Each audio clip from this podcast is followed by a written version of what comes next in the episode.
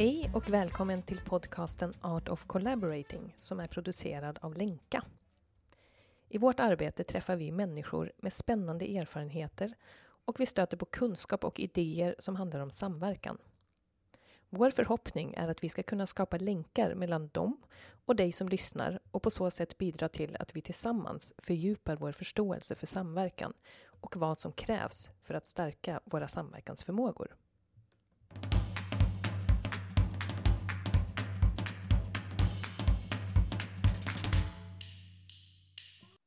Ja, eh, nu sitter vi här, Susanna Alexius, Caroline Bottheim och Anna Singmark. Eh, och Susanna, du är ju eh, docent i företagsekonomi och verksam i SCORE. Mm. Och för de som inte vet det så är SCORE Stockholms centrum för forskning om offentlig sektor. Eh, mm. vid eh, Stockholms universitet och Handelshögskolan i Stockholm. Och eh, det är ju spännande också att SCORE är en mångdisciplinär forskningsmiljö och det kan vi mm. prata mer om också. Men vi har ju läst din väldigt intressanta bok Att leda i komplexa uppdrag som kom ut 2021.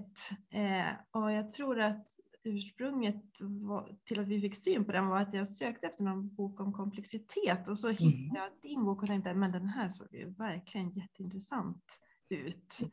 Eh, och ehm, ja, men det står ju också på bokomslaget att du forskar om moderna styrideal och styrformer mm. och olika organisationers förhållande till förutsättningar, idéer och krav från sin omvärld. Och det är ju väldigt mm. spännande. Så att, eh, då tänkte vi, ja men vi frågar Susanna om hon vill prata med oss i den här podden. Så tack så jättemycket för att du vill prata med oss Susanna. Ja, jag blev jätteglad för frågan. Det här är ju ett favoritämne förstås att prata om för min del. Vi kanske ska berätta för våra lyssnare faktiskt också outa att vi har ju faktiskt redan pratat en gång. Precis, generalrepeterat. Ja, sen blev det liksom problem med ljudet och så var vi tvungna. Det var så dåligt så att vi var tvungna att spela in det en gång till helt enkelt. Ja. Sådär, att man tänker lite, ja, ska, det, hur ska vi, ska vi nu kopiera det där andra samtalet? Det går ju inte, för det kommer vi inte ens ihåg. men, eh, men jag kommer i alla fall ihåg att det var ett väldigt, väldigt intressant samtal och efter vårt samtal så eh, kommer jag också ihåg att vi, vi hade några utbildningar och sådär. Jag nämnde mm. dig och din bok så ofta då. jag var så och nu sa jag till Anna just, vad var det jag var så liksom uppfylld av? Och så kom jag inte riktigt på det. Ja, man blir ju liksom inspirerad och uppfylld och sen så kommer något annat. Mm. Liksom, ja, så det blir ja. intressant att prata en gång till. Mm. Och vi, den här podden som vi har, det är ju väldigt många tror vi i alla fall, som lyssnar på oss, som, som, är, som, jobb, som arbetar i samverkansprocesser och, ja. och faktiskt väldigt komplexa uppdrag. Kan mm. säga. Eh, vad, innan vi liksom går igång med vårt samtal, vad tycker mm. du det var intressant för våra lyssnare att känna till om dig? Förutom att du forskar på det här. Ja, det skulle väl kanske vara då att jag just eh, rör mig mycket i gränslandet mellan praktik och forskning på olika sätt. Alltså dels så håller jag ju i, i chefsledarskapsprogram, både för förtroendevalda och för chefer. Mycket i ideell och offentlig sektor, men också privat. Och eh, jag tycker det är väldigt berikande att eh, pröva vår forskning mot praktik, men också inhämta alla kloka kommentarer och case och reflektioner och så ifrån alla er, om jag får säga så då, till er lyssnare som sitter med de här uppdragen. Så jag har djup och stor respekt för för, för att det här inte är lätt. Men jag är också väldigt nyfiken på att se hur vi tillsammans, apropå samverkan, eh, akademi och praktiker av olika slag då, utanför akademin kan hjälpas åt i detta. Eh, så att det brinner jag väldigt mycket för. Jag är också redaktör för en tidskrift, eh, Organisation och samhälle, som är helt fritt tillgänglig på nätet. Och där försöker vi också föra ut företagsekonomisk forskning i fickformat. Så att, ja, det är kanske någonting att känna till att jag är väldigt eh, angelägen om att försöka nå ut med forskning och den här boken är ett led i det. Mm. Vad kul, det var roligt, mm. det sa du förra gången. Om... Nej, du ser, du ser. Det kommer nytt här. Ja, men bara en, en följdfråga på det här med teori mm. och forskning. Nej, mm. forskning och praktik menar jag. Mm. Eh, vad, finns det något som är svårt i det tycker du? Liksom att vara både i praktik och forska? För det finns ju någon så här, ibland någon bild som jag i alla fall hör, så att man ska liksom skilja lite på det där och men, men är det något, eh, finns det något, någon ut? Ja, jag, jag jag tror att det kan vara viktigt att, eh, att eh, tänka på vad man har för finansiering till exempel. Att man inte sitter för nära på det sättet mm. Eh, så att man blir beroende. Men däremot så tror jag att vi behöver vara mycket mer öppna i akademin för både de problem och frågeställningar som praktiker sitter med, men också att faktiskt bli mer begripliga i det vi gör. För att akademin utvecklas ju på ett sätt som gör att det kan bli väldigt navel självskådande ibland och det som räknas är vissa typer av publikationer och så. Det, det blir så smalt eh, så att till sist så, så vet knappt kollegan på universitetet vad man håller på med. Så att, eh, jag tror att det är väldigt viktigt att, att och, och zooma in och zooma ut brukar jag säga. Att också lyfta blicken och säga so what? Bryr sig någon utanför vårt lilla forskningsprojekt om det här och i så fall hur ska vi förklara relevansen av det här?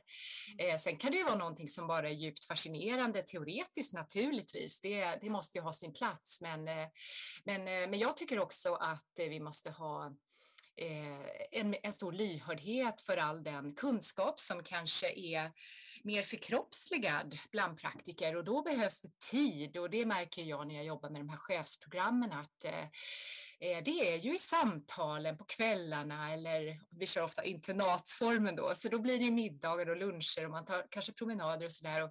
Det är då de här riktigt intressanta reflektionerna dyker upp. Ehm, Mm. Och eh, då kanske jag kan ibland hjälpa till att sätta ord på dem, men, men klokskapen finns ju redan hos, hos den här chefen och ledaren, eh, uppfattar jag många gånger. Så, så ja, språket kanske vi kan bidra med. Mm. Ja, mm. men vad intressant. Vad, vad fint på något sätt och att ha en ödmjukhet för, för, för praktiken verkligen. Mm. Eh, men eh, ja, vi ska ju då, vi, vi, ska ändå checka in på det här samtalet, även om vi har redan. Så, eh, och vi checkar ju alltid in med frågan då, vad, vad tycker du blir intressant i det här samtalet? Mm. Just nu är det ju då, om jag mm. frågan till dig Anna, vad tycker du idag blir intressant med det här samtalet? Ja. Ja, men jag, jag, tror att jag tyckte det också på förra samtalet, men, men det är just det här, ja, men jag tänker lite grann att det är så många som har de här komplexa uppdragen och, ehm, och du skriver ju mycket intressant om det.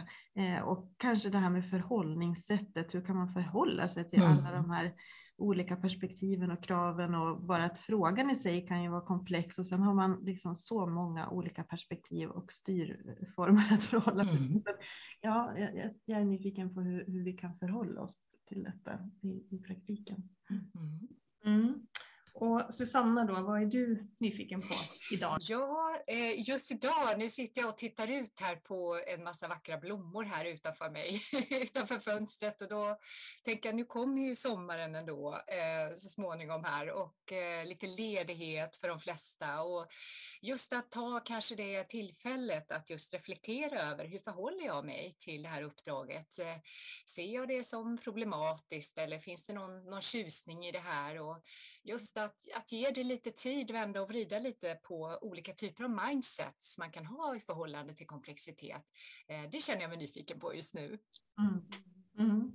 Jag, är, jag liksom tittade igen nu på din bok och och det fastnade jag väl också för, för förra gången får jag väl erkänna då. Mm. Eh, men det är ju det här med att, att eh, du refererar ibland också till en, den här västerländska synen på organisering. Ja. För den med österländsk filosofi och att det liksom mm. är två väldigt olika sätt att, ja, men som påverkar vår syn på organisering mm. helt enkelt. Mm. Eller den här västerländska då. Mm. Och det tycker jag är väldigt spännande eh, att, att lyfta och få syn på. Att mm. är det för någonting som styr oss också och, och Alltså att få upp det, titta på det, vad är det vi gör för någonting och är det det vi vill göra och gynnar mm. det det vi vill åstadkomma liksom. Mm. Att, ehm, ja, att, att fortsätta och titta lite på det, för där tycker jag att du har så mycket praktiska exempel på vad vi håller på med och väldigt kul att, att titta på för att få mm. lite mer space i tänket. Eh, mm. Ja. Mm. ja, men ja. vad spännande då.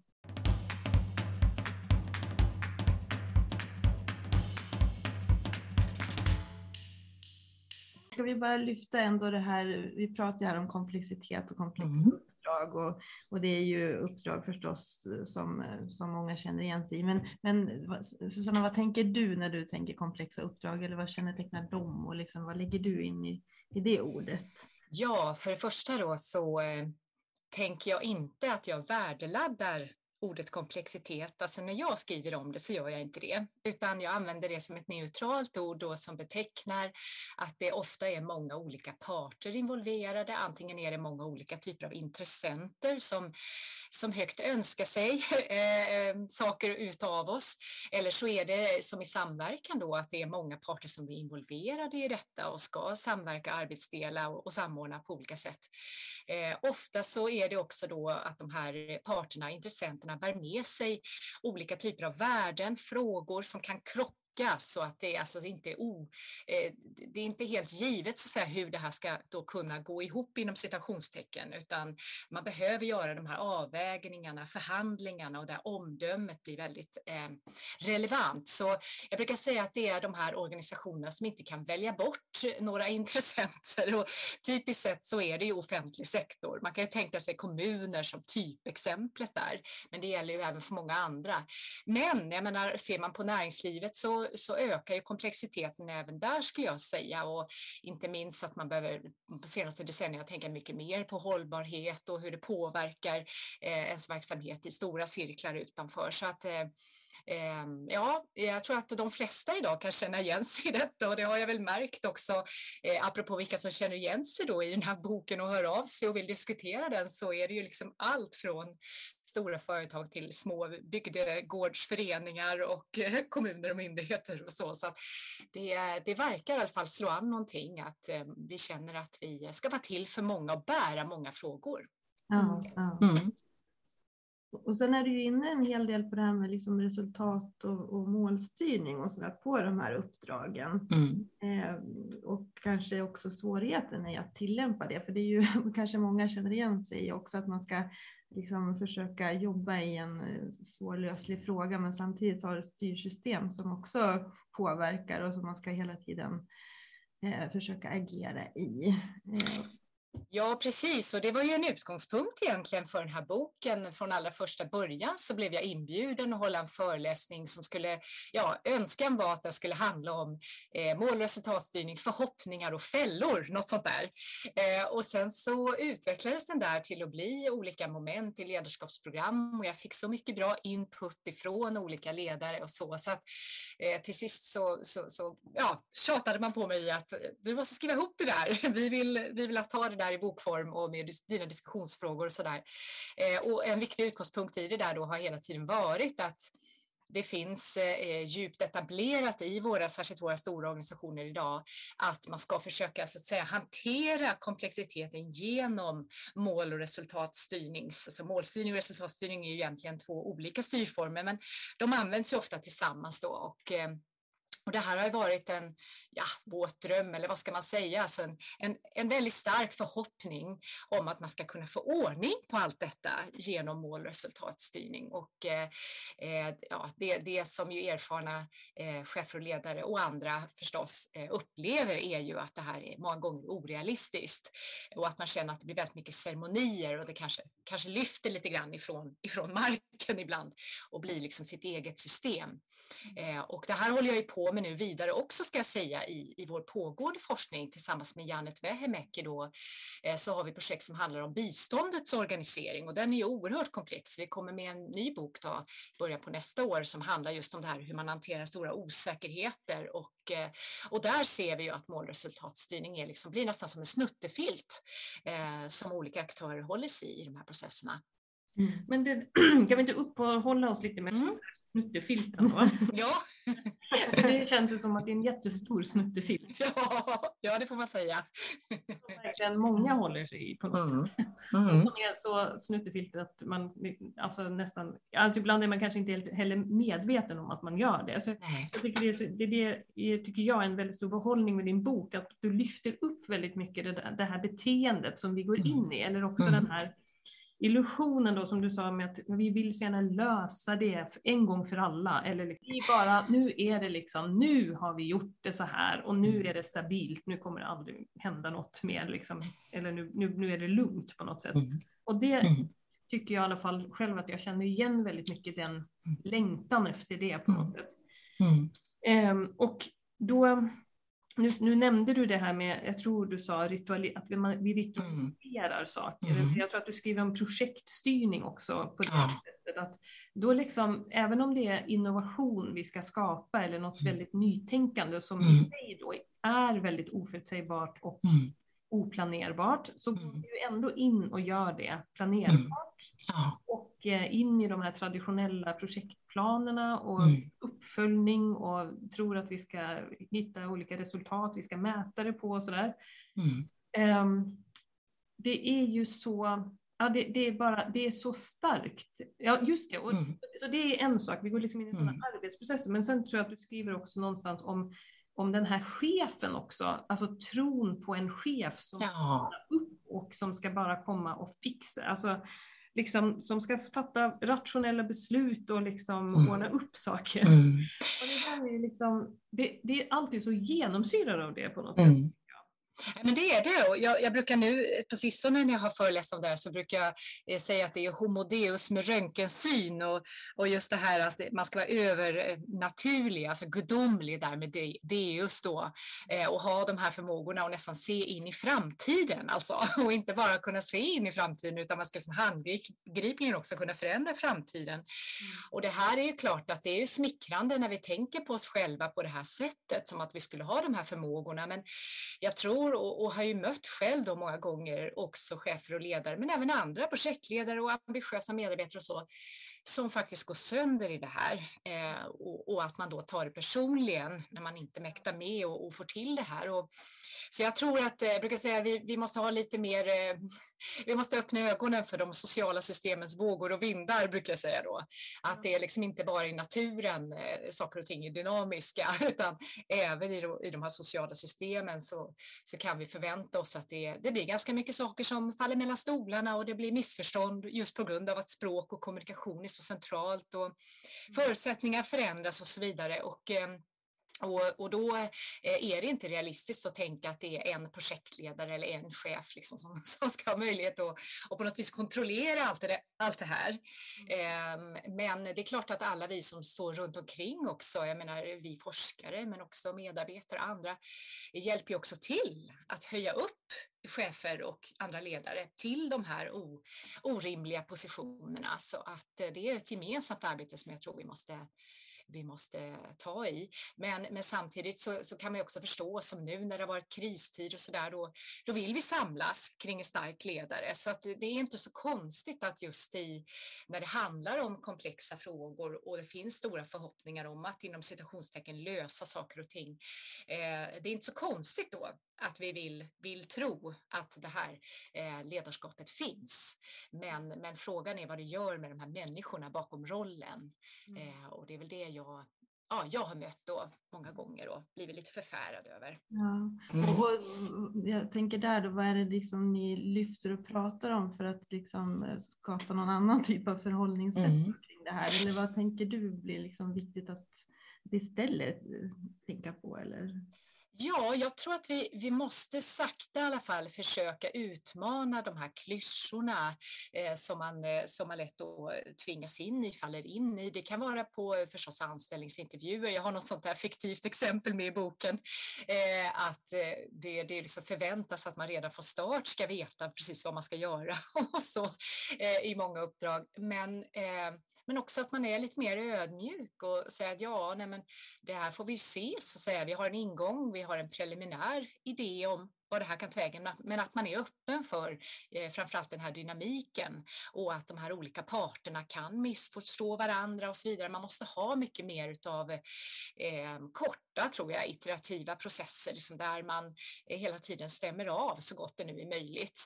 Eh, Medan eh, jag möter då många gånger ibland man kanske krampaktigt håller fast vid den här planen och tycker att det blir skämmigt om man gör avsteg eller om man eh, ska fråga, är det någon mer än jag som som, som, som uppfattar det här på, på det här sättet som jag uppfattar det. Så att säga, eh, bara att göra den där avstämningen om man är förstådd eh, i det man gör eh, kan ju sitta långt inne för en del. Så att, eh, ja, jag tror det, att man behöver ha mycket mer eh, Alltså inte presentera sig själv som, eh, som just den här gudomliga med röntgensyn, utan att eh, vara mycket mer inlyssnande. Mm. Men, ja, och det är ju då svårt när man är i ett sånt här system då, när det liksom efterfrågas och man lockas ju in i det lite säkert också. Att bli den där, mm. som, som du sa, att det är lite smickrande också, att man får en sån här roll på något sätt. Ja, men ja, jag ska nog ordna upp med det här. Ja, men där finns det ju lite sådana här eh, kluriga knep då, där man liksom försöker att, eh, att lura systemet självt, eller vad jag ska säga. Och på universitetet har vi bland annat använt oss av det där på SCORE någon gånger. Alltså just när man ska då ta fram mål och man har en viss eh, projektprocess och sådär, då, då kan man ju faktiskt lägga in i den att man ska ha reflektionstillfällen till exempel, både enskilda och gemensamma, och att det ska finnas avstämningar och justeringar och sådär. Det är klart att många har ju det där, de som jobbar jobbar jag menar, i framkant professionellt med det här. Men, men att man eh, på det viset så att säga kan, kan få det här att räknas men ändå att man ger utrymme för eh, för reflektion framför allt och eh, att man stämmer av lite grann längs vägen. Var, var är vi på väg med det här? För att någonting som jag skriver mycket om i boken det är ju det att Eh, det snurrar ju på så många olika projekt ofta i en sån här komplex verksamhet och eh, om du själv är med och leder något sånt här så kan det ju vara så att andra som är involverade i ditt projekt, ja, men de är, kanske har sitt hjärta eh, lite, lite tydligare i, i någon annan sån här snurr. Och det där kan ju ofta vara någonting att man tittar på pappret och ser, jo men alla har kommit på mötet, men men har vi egentligen mötts? alltså, och det, det, det brukar jag säga nu på sistone, att var det ett möte eller var det ett möte? Och då menar jag, var det ett möte i kalendern så att säga, man har bockat av, check, eller var det att vi verkligen möttes? Förstod vi varandra? Kunde vi, kunde vi ha ett utbyte? Mm. Eh, och, och, det är ju inte alltid, eh, har jag förstått, då, fallet, utan man kan ju sitta till och med på samma formella möte och jobba med helt olika typer av frågor. Eh, så, så, så det kan också skapa, vad ska vi säga, en, en ineffektivitet eller vad ska jag säga, mycket frustration i de här processerna. Eh, att man, att man hade alla på plats men, men det blev ändå inte något, något riktigt bra utbyte. Så där tror jag också att vi behöver vara modigare och eh, ställa krav på, på mötesformer och till exempel att man eh, kanske inte sitter uppe med, med datorn och mobilen och sådär som jag i alla fall tror är väldigt viktigt för att vi ska liksom ha en gemensam dialog på riktigt. I, så det är, ja, det är några saker jag tänker på. Ja, och det där mm. känner vi ju också igen oss väldigt mycket i. Liksom, mm. Om vi nu ska gå in i de här svåra, svåra frågorna, hur kan vi få till mm. ett utforskande och hur kan vi verkligen få fram de här olika perspektiven? Ja. Och du pratar ju också om det här med kanske vikten av eller tålamod för det som behöver växa fram och mm. kan vara bra också ibland. Att vi mm. kanske behöver vara i lite gnugg och konflikt och verkligen liksom utforska saker och involvera olika intressen och perspektiv. Ja, men och inte minst alltså idag när vi ser de här autokratierna växa sig allt starkare. Jag menar, nu har vi ju Putin här på nära skrämmande håll, men även Kina jag menar, lurar bakom och Trump, Trumpismen och andra krafter eh, som, som vill gå snabbt fram med, med en auktoritär modell. Alltså. Eh, man samlar sitt lilla säkerhetsråd och alla måste säga ja och det är ett sånt här grupptänkande och så vidare. Va? Och, och, det är klart att det kan gå snabbt framåt, men vad blir det för väg? eh, och eh, vad leder det här till på lite längre sikt? Så det, det där är en eh, Mm. En väldigt knivig fråga faktiskt, för samtidigt är det ju så om vi tar klimatfrågan och som exempel så, ja vi har ju inte så mycket tid. Mm. Så att det här är, är verkligen teoretiskt en väldigt eh, intressant spänning, att demokratier förutsätter tid och tröghet och för att hedra hedra demokratier och komplexitet i den bemärkelsen att många intressenter har fått vara hörda och involverade, ja då, då behöver det få ta sin tid. Men i vissa frågor så upplever vi att vi inte har den tiden. Och då, ja, det där är, det är något knivigt, verkligen.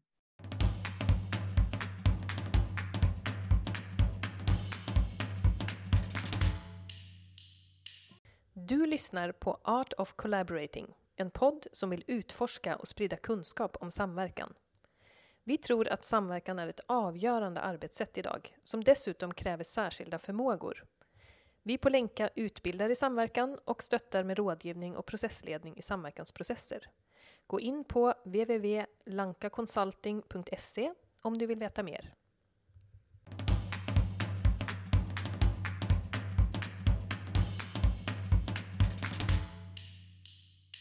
Det är ju också så här, nu bara tänker jag också att det är ju helt otroligt hur vi då, för jag menar Kina och Trump och allt det mm. där, det är ju liksom extrema, eh, det, det, är ju verkligen, där har det ju gått väldigt ex, till det extrema.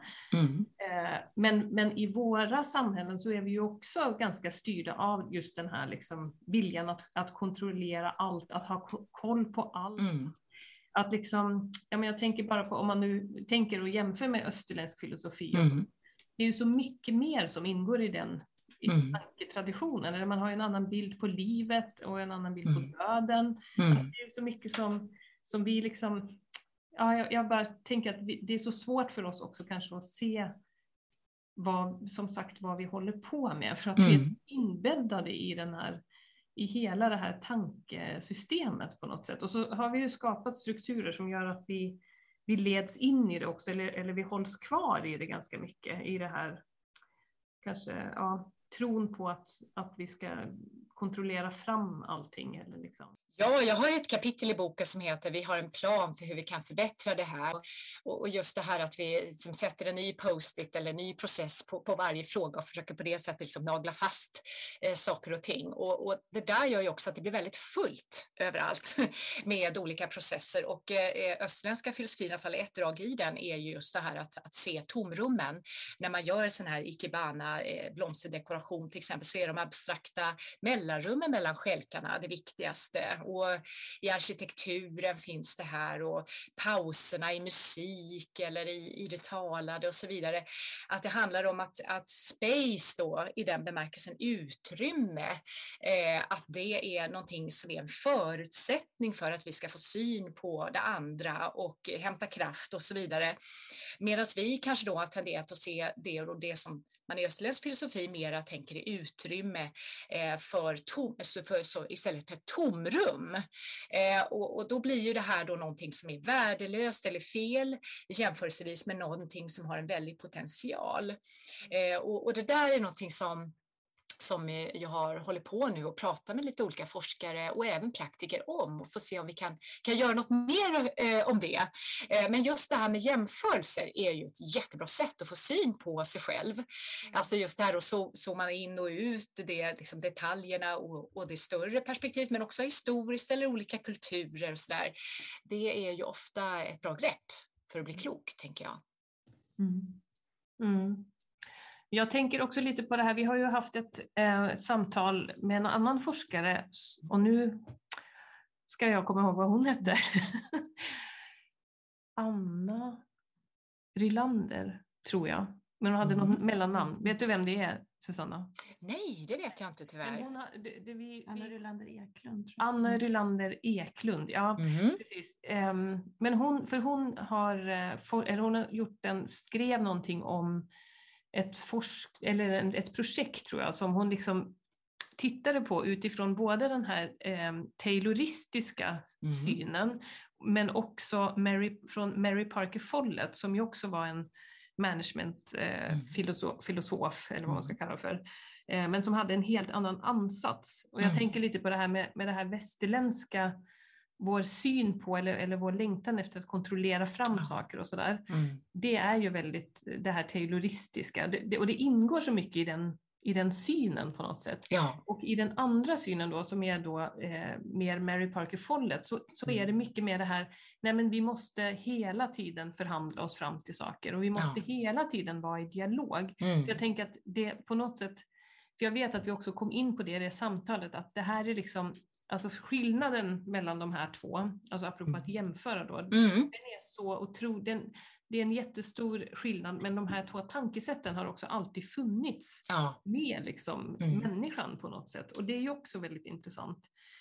Ja, men och det, och det kan man ju nästan se i allting vad gäller just reformer och förändringar och så där på olika nivåer i samhället, att det blir pendelrörelser. Att mm. vi tenderar att, att, att längta och tänka att gräset är grönare på andra sidan. Och så blir det liksom kontroll och så tror vi, åh, tillit, det måste vara motsatsen. Och så rör vi oss dit och är vi på centralisering ett tag, då, ah, det, decentralisering, det längtar vi efter. Och så, där. Mm. Mm. Så, så att det där, eller process och linje och så. Så, att, så det där är nog nog någonting som är djupt mänskligt och också någonting som håller hoppet uppe hos oss. Men jag tänker att något som, något som kännetecknar eh, ett klokt ledarskap, det är väl att se att allt det där finns samtidigt mm. och att försöka ha lite balans i det. Att mm. fundera på när det blir en väldig fokus på centralisering, ja men det kanske är vissa frågor som faktiskt passar att, mm. att hålla kvar lokalt och så där, så att man inte blir för extrem som du, som du själv säger. Mm. Då, det är ofta då det blir tokigt. Ja, är det lite så här både och-tänkande då, att kunna tänka både och samtidigt? Ja, precis. Därför att eh, det är ju också så att eh, det är något paradoxalt, men när man jobbade mycket, apropå det här med taylorismen och, och fabrikerna, så lean, lean productions var ju någonting också som har varit väldigt på tapeten just vad, vad gäller Mm. de här processstyrningen och med, med förebild från Toyota då från början. Och, eh,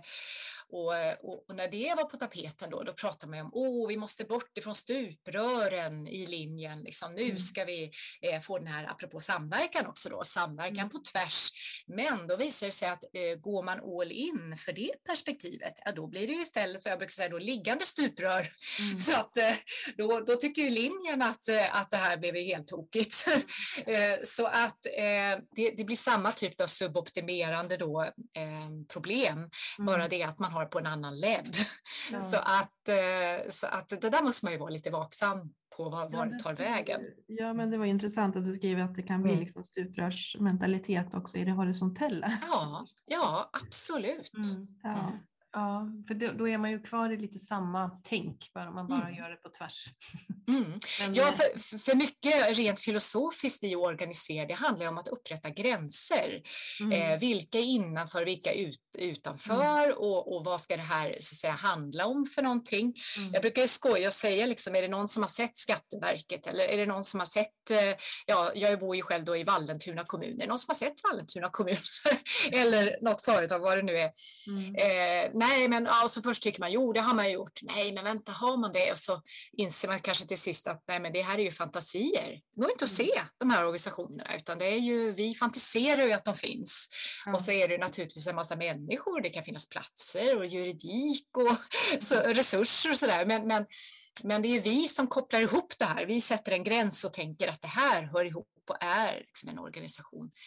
Um, så det är ju någonting väldigt unikt för oss människor att vi, vi har den där förmågan att fantisera fram organisationer.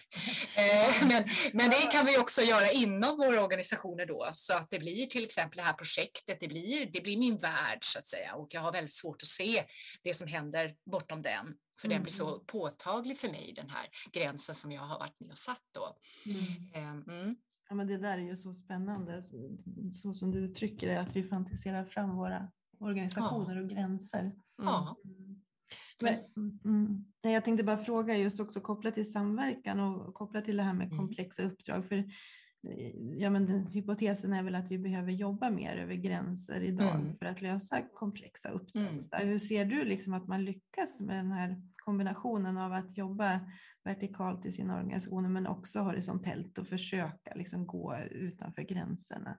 Vad ser du liksom i ditt Ja, alltså självklart så varierar ju det där väldigt. Det måste man alltid börja med att säga som brasklapp. Men tyvärr så, så möter nog jag ofta på i de studierna jag har läst att, och själv också det jag har studerat, att det ofta blir någonting man ska göra.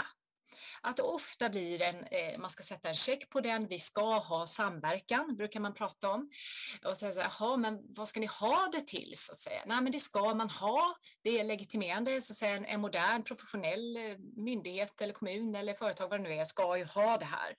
Eh, och sen så kanske man ägnar sig mer åt att upprätta det här i någon mån. Men jag tycker ju som organisationsforskare att vi har kommit alldeles för, för kort i att fundera på formerna för mm. samverkan och därför är det ju så bra att sådana som ni också är med sig i detta självklart och, och hjälper till. Och så att man kan fundera på, ja, men, till exempel, vem är det som styr vår samverkan? eller hur styrs den? Eh, vad har vi för mål för den? Vad har vi för regler eller har vi inga? Och finns det några sanktioner? Vad händer om någon eh, inte kommer eller inte är på mötet fast man har ett möte eller vad det nu är. Mm. Eh, ofta vad vi har sett i alla fall eh, på SCORE är att eh, samverkan tenderar att bli partiellt organiserad som vi kallar det för, alltså bara delvis organiserad och att det fortfarande är en massa förhoppningar snarare än att det finns tydliga strukturer och processer för eh, själva samverkan i praktiken. Mm. Eh, så det viktiga blir att ha det på plats och, och sen kan det vara så att eh, många gånger, det vet ni väl själva förstås, att eh, det är några eldsjälar som, som liksom driver på det här väldigt, men blir det då samverkan? Alltså, det här kan bli något i deras huvud eh, mm. och, och någonting som blir ganska ensidigt från en eller ett par organisationer som är med i det här. Och, eh, särskilt om det är många så kan det bli en hel del free riding och väldigt olika ambitionsnivåer in i det. Lite som grupparbetena i skolan, i mm. grundskolan. Mm. Eh, så att eh, jag tror att man skulle oftare, men jag är jättenyfiken också att höra vad ni tänker om det. Men äh, ställa, ställa de här grundfrågorna. Ja, men vem är det som styr här och vad handlar det här om? Och så gå varvet runt liksom. mm. eh, utan att ha de här eh, dokumenten framför sig. Utan liksom, mm. finns det någonting i, i kropparna, i hjärnorna hos de här personerna som ska vara med och driva det här? Ja. Eh, ja vad säger ni? Jag är nyfiken. Ja, vad intressant. Ja, men jag tänker mm. att det, det jag tänkte på när du pratade nu, det var att vi pratar ibland om att det som är så härligt med samverkan också, mm. det är faktiskt att det är i det här eh, mellanrummet eller i det här i något organisatoriskt ingenmansland. Mm. Det är liksom ingen som styr där och det, det, det gör att i slutändan så måste vi gå in i de här dialogerna och reflektionen mm. tillsammans. Det kommer inte mm. gå utan det. Så apropå det här med har vi ett möte eller har vi ett möte mm. så kommer ingen gå på ett möte som bara står i kalendern om man märker att det händer ingenting på de där mötena. Nej. Eller, för, för, det är inte värt det, för det, liksom, det finns inte de incitamenten riktigt. Mm. Eller det är liksom inte mm. lika, ja. Så att det krävs ju eh, verkligen att mötas som människor också mer på något mm. sätt. Alltså att man, mm. eh, så för att lyckas alltså. Mm. Eh, så därför kan också, tänker jag, samverkan locka fram väldigt mycket av det här andra förhållningssättet egentligen. Ja. Genom att det inte är så uppstyrt. Mm. För, för i samverkan egentligen, om man ställer den frågan, vem styr, så, mm. så är det ju ingen som kan styra i samverkan. Mm. Alltså det är ingen som styr över den andra i alla fall. Nej, och jag menar, det är ju helt korrekt och jag tror också det att eh, när det gäller eh, idéarbete och så vidare, alltså, då kan man ju komma långt med de här friare formerna. Det är väl sen att det kan ibland bli en mismatch där vissa förväntar sig att man ska ta frågan vidare mm. i sina respektive organisationer och det ska bli beslut och det ska finnas mm. resurser och det ska omsättas i någonting, apropå den här industriella tanken om att allt ska vara till för något annat. Mm. Eh, men däremot att bli mer klok klok, eh, att lära känna varandra, att förstå liksom, vem gör vad och så vidare. Den typen av samverkan tror jag har väldigt goda förutsättningar i det här eh, mer lösliga eh, mm, ja. formatet. Så det har väl både fördelar och utmaningar som alltid. Ja. Men, men just det här med ambitionsnivåer och, och att vissa kanske tänker att ja, det är bra, vi, vi, vi, har, vi har lite samverkan här på gång. Mm. Ja, och sen nej, så lägger precis. man Mm, men jag, och, nej, och det är väl det vi tänker då och som vi mm. pratar mycket om att man behöver hel, vara väldigt systematisk i att ta upp de här frågorna. Alltså, ja. Vad är ambitionsnivån hos ja. er? Vad är ambitionsnivån hos mm. er? Mm. Och liksom synliggöra det och, och återkomma till det hela tiden för det kan ändra sig också. Mm. Eh, men, och liksom ja, prata om vad vill vi med samverkan som mm prata om det mm. återkommande. Så egentligen de här samtalen som vi egentligen också skulle kunna mm. behöva mer av i våra mm. organisationer, de kommer mm. man ju inte undan i samverkan. Man måste ha dem för att liksom lyckas egentligen. Ja, precis. Och väldigt mycket är ju också kommunikation och språk, alltså vara begripliga för varandra på olika ja. sätt och stämma av det. Mm. Men jag tänker just, eh, apropå något eh, som ni nämnde lite tidigare, som ni skriver mycket om i boken, det här med proxies, alltså att man vill ha någonting här och nu och ta i som en indikator på mm. att någonting i framtiden ska bli bra. Och där tror jag tyvärr då att samverkan eh, mm. ibland kan bli en sån proxy. Alltså, ja. det tar gängkriminalitet eller klimat som två exempel exempel. Vad mm. ska vi göra åt detta? Ja, men vi ska väl ha lite samverkan. Ja, mm. check så att säga. Då har vi gjort någonting och då, då hoppas man liksom bara att genom att vi upprättar någon form av samverkan här så kommer det i framtiden att hända fina grejer här. Mm. eh, och, och, det är väl det ibland att vi måste titta på de här eh, jättemånga samverkansprojekten eh, nu och, och, ambitionerna som finns just när det gäller de där två frågorna mm. eh, och se vad blir det något mer så att säga. Ja. Eh, mm. Det är ju verkligen en vanlig, som du säger, man, man tar till det som åtgärd utan att fundera på hur ska det egentligen gå till och har vi med oss rätt perspektiv och eh, ja, men det blir ett enkelt ord att säga bara. Liksom. Ja, ingen kan ju vara emot det på något sätt. Nej, det blir väldigt att... ofarligt på det sättet. Men och också egentligen i det fallet så borde man ju säga så här, ja, och, och, vi vet faktiskt inte hur det här ska gå till, för det är ju ingen som riktigt vet det heller. Men, men att man då lägger in, som du sa, lite de här reflektionsmomenten. Mm. Så här, då har vi lärande reflektioner mm. lite regelbundet och ser vad vi har lärt oss och vad mm. vi har för insikter från mm. vår samverkan. För det mm. går liksom inte att, det går ju inte att kontrollera upp det eller liksom planera det på förhand. Det gör det ju faktiskt inte i samverkan. Ju... Nej, och, och, när vi tittade i alla fall på klimatsamverkan här i, i våras och vintras gjorde vi tittade på ett antal sådana lite större ambitioner som ju finns i samhället och, och då vad vi kunde se då när vi tittar på det utifrån klassiska organisationselement som vi säger, liksom, är det tydligt vilka som är medlemmar? Eh, är, vad finns det för beslutsordning? Eh, finns det regler? Finns det sanktioner? Finns det uppföljning, alltså övervakning, uppföljning på något sätt? Mm. Eh, de här fem, då såg vi att det som nästan aldrig fanns i de här, det var eh, sanktioner. Mm. Eh, och väldigt sällan också så var det formella regler, utan det var mer utav målsättningar och så eh, öppet. Och, och då, då kan man ju förstås lära sig från liksom klassisk organisationsforskning att det blir svårt om det inte finns någon typ av sanktioner i det här rörliga. Och det är klart, de kan ju vara mer informella, att eh, säga, nej men nu får vi skärpa till oss, liksom, eller eh, sådär, va? att det blir, kan vara lite name and shame eller något sånt där som ibland kan funka. Men, men, men, men där skiljer sig de här projekten åt från andra och det kan man ju fundera på varför det är så. Ja, menar du till exempel om en aktör inte agerar eller som är viktig mm. i en utveckling så att finns det liksom ingen... Ja, alltså låt säga att man har kommit fram till att man ska minska utsläppen med så här mycket. Eh, och då, det har man gjort, bestämt sig för och man kanske till och med har satt en tid för det och så vidare. Men sen kommer man till den där tiden och man har inte uppnått det här och det händer ingenting. Så, att säga. så det är det jag menar, att det, det är väldigt svag form av organisering på det sättet.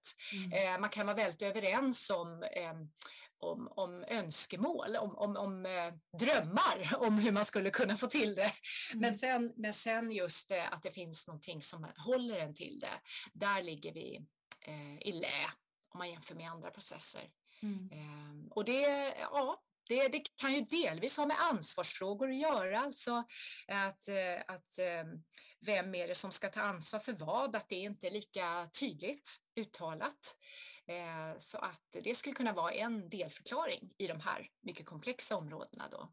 Mm. Ja, det är jätteintressant.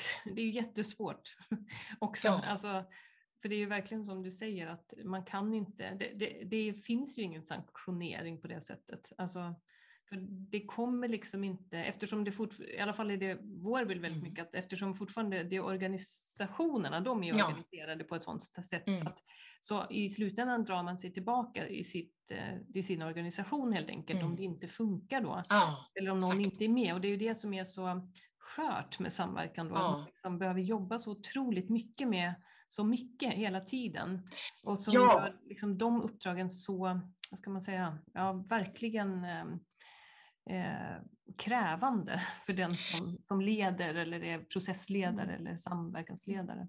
Ja, om man verkligen vill åstadkomma något, för det som, det som vi sa, ibland kan det vara mer något, någonting som man säger, men om man verkligen vill föra en fråga framåt så är det klart att det är inte så enkelt. Nej, och sen någonting annat man kan väl se upp för. Jag menar, nu är det ju valår och eh, det börjar ju verkligen dra igång här med valrörelsen och eh, då känner vi ju igen den här strategin som jag skriver om i boken då med, eh, med organiserat hyckleri. Eh, och den är ju väldigt vanlig i, när man så försöker då göra många intressenter nöjda och försöker få ihop någonting som inte kanske så enkelt går att få ihop. Mm. Och då ett enkelt sätt i detta är ju då att starta massa nya saker. Eh, mm. alltså man kan ju vara jätterörande överens i pratet om att det är otroligt viktigt med gängkriminaliteten och lösa den eller om det är klimatet eller vad det är. Eh, ojämlikheter i samhället eller någon annan sån komplex fråga. Eh, och sen så har man så att säga mindre beslutsmöjligheter just vad gäller resurser kanske och sådär. Och då är någonting som kostar mindre inom citationstecken, det är ju då till exempel att utreda. Så då kan det ju vara då att ja, men vi behöver en ny utredning och det är väldigt svårt att säga emot det i vårt samhälle. Vi tror mycket på vetenskap och det rationella besluten. Så, så ett sätt kan just vara då att ja, men vi utreder det här, vi utreder och då behöver man kanske inte då på, på kort sikt åtminstone ändra eh, praktiken. Det kan liksom vara ett sätt att köpa sig tid. Och, och, samma sak då kan det vara att man både pratar och så fattar man ett beslut, till exempel om samverkan. Eh, mm. kan ju vara. Och då här kanske man hade samverkan och säger man nej, nu måste vi ta krafttag med oss en ny samverkansprojekt eller ny mm. utredning och sådär. Så att, så att tyvärr så ser jag ju mycket, även om jag, jag, jag gillar ju verkligen samverkan som, som eh, koncept så att säga. Det, det är ju helt nödvändigt att vi bryter upp de här fiktiva gränserna vi har satt upp för oss eh, som mentala skygglappar. Men, men det här är en utmaning att det blir en proxy, att det blir någonting som mm. håller hoppet uppe. Mm. Eh, och därför så tror jag att vi, eh, om vi menar allvar med den här reformen så behöver vi ja, titta lite mer på just utvärderingssidan och sanktionssidan eh, och bygga in det i, i både förväntningarna hos aktörerna men också att, att det finns säga, resurser och, eh, och så för den typen av aktiviteter också. Mm. Mm. Ja, eller, eller också då bygga in det här, tänker jag då, om man mm. nu säger att ja, men nu ska vi sam någon, någon liksom beställer en samverkan. Mm. Ja. Sen är det någon som sätter igång och ska göra det. Ah. Och sen så kanske den som har beställt samverkan vill se, vill se efter ett år, hur gick det då? Eller mm. mm. i bästa fall, eller någonting. Precis. Men jag tänker att just den här lyhördheten, lite som, som du är inne på också i din mm. bok, det här med att man, man ser ju inte riktigt vad som görs där nere i sammanhanget. Alltså man liksom, vad, vilka insikter, vad man har lärt sig för någonting mm. just i samverkan. För det är ju det som är så himla intressant egentligen, vad som eh, vilka lärdomar man får när man håller på och samverkar. Man mm. lär sig ju väldigt mycket om varandra eh, och, om, och ännu mer om komplexiteten i den här mm. frågan förmodligen. Mm. Man kommer in i det här liksom osäkerhet och icke-vetande. Man, alltså det är så mycket som, som uppstår där som jag tänker att de som då beställer en samverkan mm. egentligen skulle behöva ta del av. Och, och de sakerna ryms ju inte i rapporterna eller liksom resultatrapporterna. Och Alltså, men det är det, de, det är det de borde göra och då får man ju diskutera formerna för utvärdering och sanktionering och sådär. Mm. Eh, för det ska naturligtvis vara någonting som, eh, som, som är eh, värdefullt för själva mm. samverkan och de organisationer som är med. Eh, men, men, jag tycker just det här att man bara har, att man har det, det mm. i sig är en start och sen kan man diskutera, men är det här rätt former och så mm. vidare. Mm. Eh, gå, det kanske är svårt att komma åt, men vi kan komma åt och, och i någon mån då eh, utvärdera lärande som har skett att vi har fördjupat vår förståelse och sådär. Men mm. just att man har med momentet, att det inte bara blir att vi ska ha så här många möten per år eller sådär. Eh, därför att då är det väldigt lätt att det, det blir en tumme till sist, tyvärr. Ja, man är ofta mm. inne på så här aktivitetsindikatorer och sådär istället mm. för det, det verkliga reflektionen och lära. Ja, ja. Och det är väl och det kan... plantänkandet, att vi kan tänka ut i förhand och de här aktiviteterna, men det är inte alltid det som är liksom det intressanta. Nej, precis. Och där finns ju jättemycket man kan testa också. Jag menar, ni har säkert tusen tips själva. Men just det här eh, till exempel att man bryter upp eh, om man har en samverkanskonstellation på, på ett antal parter, att man, att man ses kanske två och två också mm. och att man har olika studiebesök i mindre, eller vad det nu är, att man gör olika saker i mindre grupper. Mm. Eh, det kan ju också vara ett sätt att stärka eh, att det blir faktiskt olika typer av eh, vad ska jag säga, outcomes i det här. Mm. Eh, så att det inte bara är någonting som sker på ett möte då och då, utan, eh, utan att det här är någonting som har ett, liksom ett vidare liv. Det får bli en möba liksom, ja, in, in, i de här organisationerna. Ja. ja. Mm. Men jag tänker det vi har också varit inne på några gånger nu, eh, eller nämnt några gånger, men som du egentligen också ger mycket plats i din bok tycker jag, det är det här med reflektion, alltså betydelsen ja. av reflektion. Mm. För du mm. har ju i, jag tror varje kapitel så har du reflektionsfrågor. Ja. Eh, som, liksom kan upp, som man kan eh, tänka på eller som man kan prata om kanske i sin, på sin mm. arbetsplats och så. Eh, och mm. det, eh, dels har, tycker jag du har väldigt mycket bra reflektionsfrågor eh, som hjälper oss liksom att se också vad vi håller på med och vad, vad som styr oss och vad, vad är det vi vill eh, mm. styras av kanske, eller hur vill vi att det ska vara? Ehm. Jag tror ju faktiskt att det viktigaste som, som samhällsforskare det är att eh, ställa frågor. Mm. Jag tror det är viktigare att komma på bra frågor än att komma med tvärsäkra svar. Mm, ja. eh, och om man då kan eh, vara med och hjälpa till och uppmuntra till ett sådant förhållningssätt. Varför gör vi på detta viset? Till exempel ja. en utmärkt fråga som man mm. kan använda nästan jämt. Mm. Eh, och, och får in en sån kultur där man ställer frågor, då sätter det igång en massa processer mentalt och undermedvetet sådär som är enormt spännande. Och ofta växer ett mod i det där också, att man vågar vända på stenar, titta på saker och ha det här lite utforskande eh, sättet. Mm. Eh, så att det, det vurmar jag väldigt för. Och det är väldigt roligt faktiskt sen den här boken kom ut då i, när det var september, oktober, så så, så är det tydligen mycket studiecirklar där ute.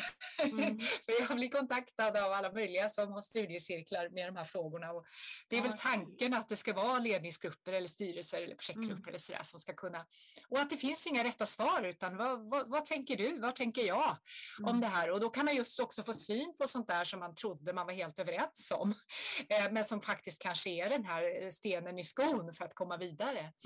Mm. Um, ja, men vad häftigt att det finns det? Jag tänkte just fråga det, vad är din erfarenhet av hur mycket man faktiskt reflekterar? Finns det liksom mm. organisationer som har det som, en, som är duktiga på det till exempel? För jag tycker att man hör ofta att det finns en längtan efter mm. att reflektera mer och sådär. Mm. Eh, men det görs inte så mycket. Eller inte så mycket. Nej, jag håller verkligen med om det, att det senare du sa, att eh, det här, och, och när jag arbetar med de här chefsprogrammen och vi är ute liksom på internat där i Sigtuna och så där, det verkligen blir det här klassiska att man åker till klostret, man åker till folkhögskolan. Alltså de, det är de här gamla undervisningsformerna var ju ofta det här att man skulle lämna sin vardag och komma ut till en plats som var ägnad reflektion och lärande. Och det här funkar verkligen också idag tycker jag. Eh, och då nästan alltid så möts jag av det här, åh vad skönt, nu ska jag få tänka till punkt, liksom. nu, ska jag få, nu ska jag få tid att fundera på de här sakerna.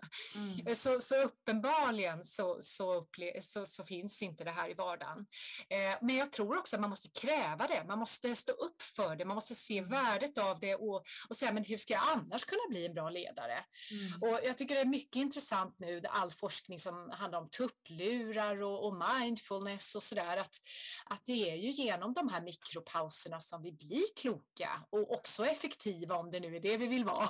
Mm. Eh, så att eh, där är jag lite hoppfull för tillfället att det, det här ska bli, eh, ja, inte bara trendigt utan en del av arbetsmiljöstrukturen faktiskt. Ja, det vore ju mm. häftigt. Mm. Men, men, eh, det, finns, okay, det, finns, det finns forskning om mindfulness och tupplurar. Finns det forskning ja, om, massor. om reflektionens, ja. alltså, Ja, ja men det, värde. Liksom. Men då är vi tillbaka i det här österländska, att eh, eh, vi måste ju skapa utrymme för det nya. Mm. Och om vi proppar fullt hela tiden, hur ska vi ha möjlighet Mm. Att få den där tanken. Eh, menar, vi, vi, känner ju alla till det här med, med, med, Newton och äpplet och så här. Att det är ju när vi, när vi har det här, där vi står och diskar eller vi, vi tar den här promenaden eller vad det nu är för någonting.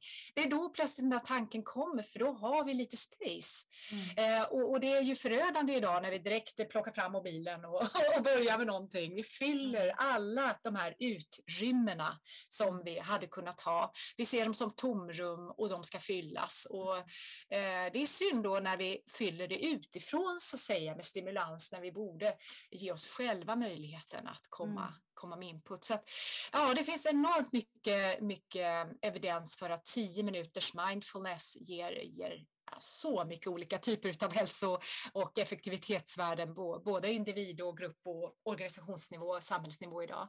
Mm. Så att eh, ja, det, det är bara att börja. Det är ju lovande, kan man tänka. Mm. Ja. Vi rör oss på pendeln mot det hållet. Ja, det är det. Det är ju alltid en pendelrörelse uppenbarligen. Ja.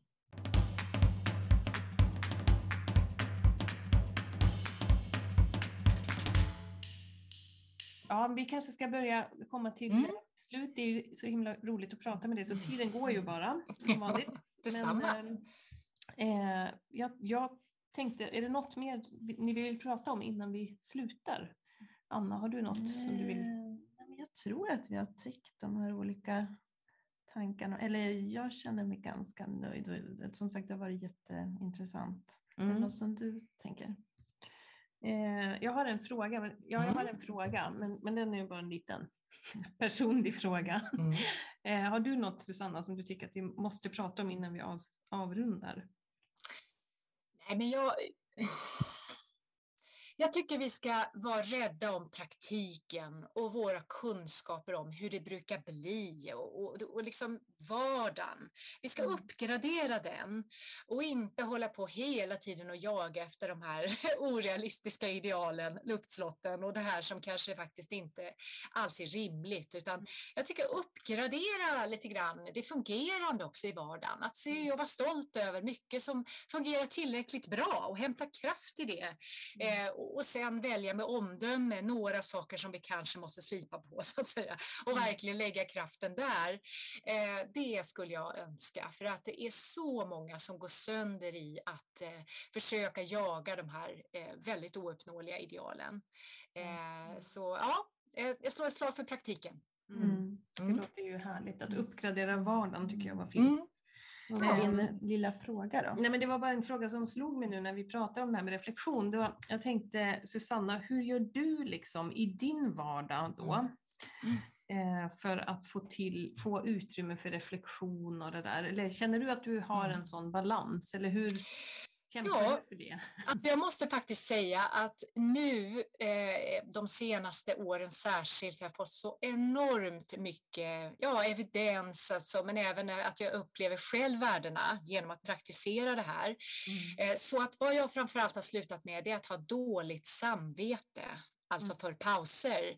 Eh, mm. därför att istället så ska man ju tänka som i den här Seven Habits of Highly Efficient People, eller vad den heter, den här gamla boken, att, att man måste ju vässa sågen. Man kan ju inte bara såga på och såga på med en slö såg och det känner vi ju igen vad gäller kost och motion och allt möjligt. Och även så gäller ju det vår mentala hälsa eh, och liksom att vi ska kunna vara möj eh, få, få möjlighet att bli kloka så behöver vi de här utrymmena. Och, eh, så jag har slutat att ha dåligt samvete för det, tror jag är jätteviktigt. Och jag vill lämna med en liten anekdot. Alltid när jag ringde till min gamla mormor som var liksom uppväxt i bondesamhället i Dalarna, så även om hon var över 90 så sa hon nej, nej, jag sov inte, jag bara låg lite granna på överkastet.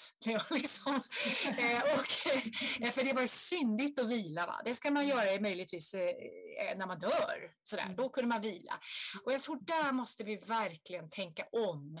Mm. Så, så, så det är, är vad jag gör. Jag, jag har inte dåligt samvete när jag tar en paus. Så jag älskar själv trädgårdsarbete så det kan vara att jag varvar då att eh, ja, efter den här podden kanske jag går ut och klipper någon buske eller mm. sådär. Eh, rensar lite ogräs så det kan vara ett sätt för mig. Eller att jag bara sätter mig, som är en sån här meditationsmetod som jag har tagit till mig på sistone. Jag sätter mig framför vilket föremål som helst. Det kan vara, eh, här framför mig just nu på skrivbordet så har jag till exempel en liten pressobryggare. Mm. Det kan vara den. Man behöver inte ha ett fantastiskt vattenfall eller så, utan det kan vara vad som helst. Och sen ägnar jag tio minuter, jag ställer klockan och sen så ringer den efter tio minuter och då är jag helt absorberad i detta föremål som jag väljer.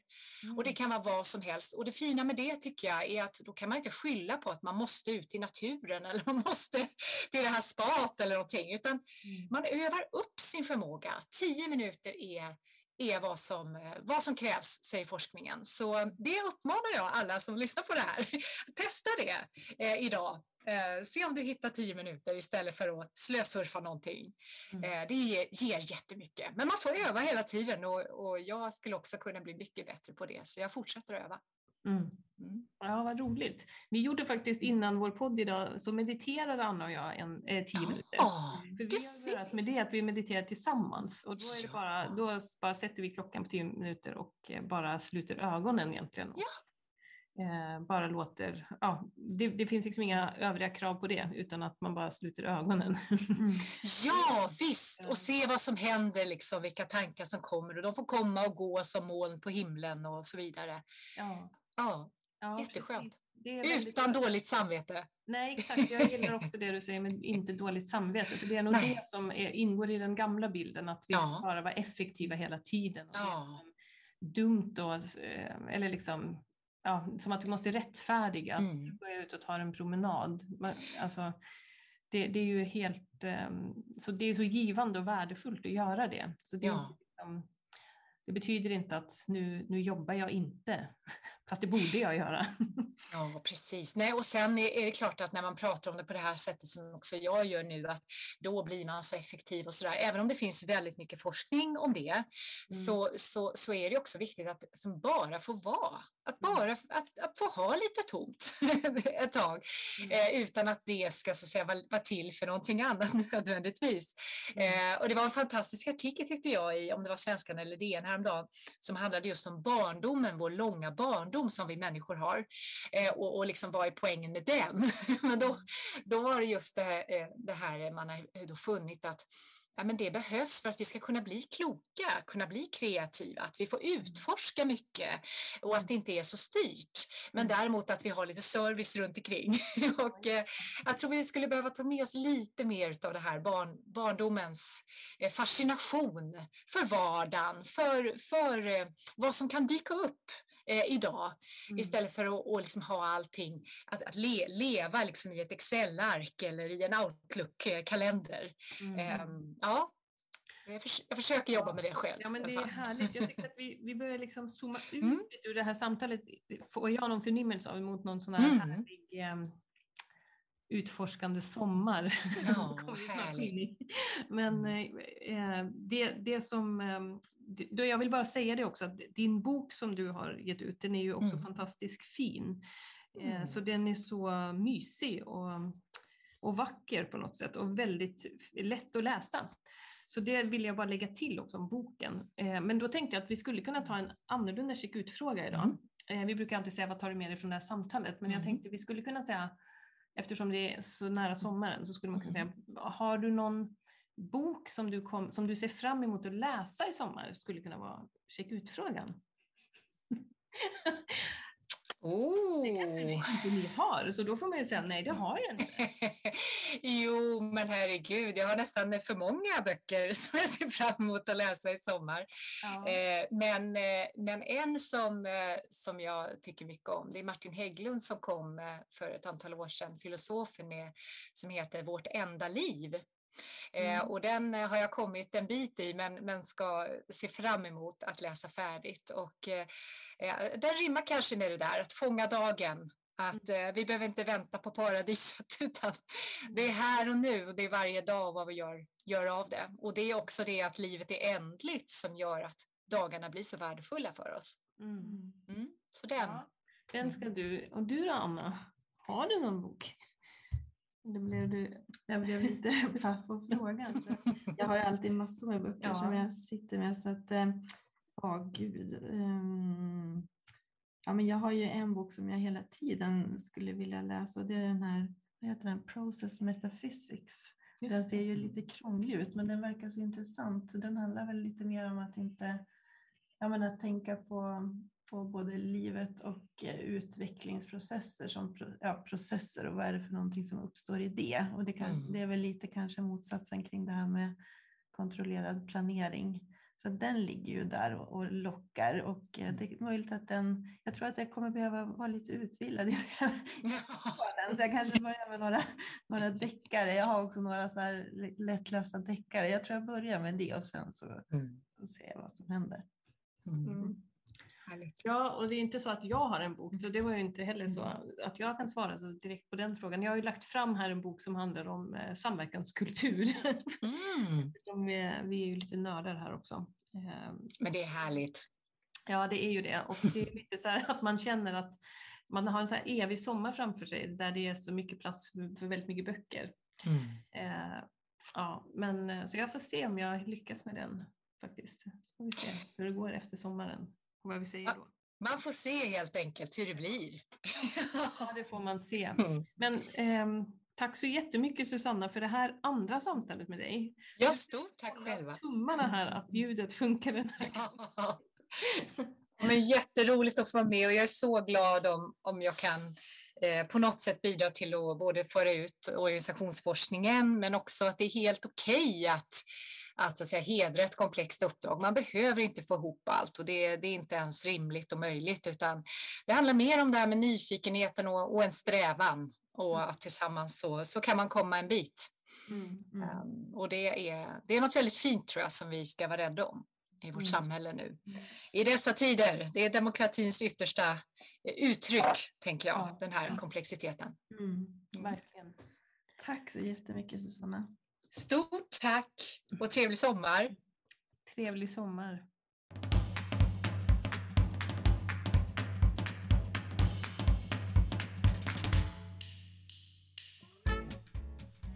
Tack för att du har lyssnat på vår podd. Vi hoppas att du blev inspirerad.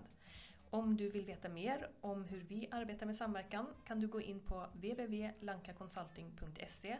Där hittar du mer information om våra utbildningar, våra tjänster och våra publikationer.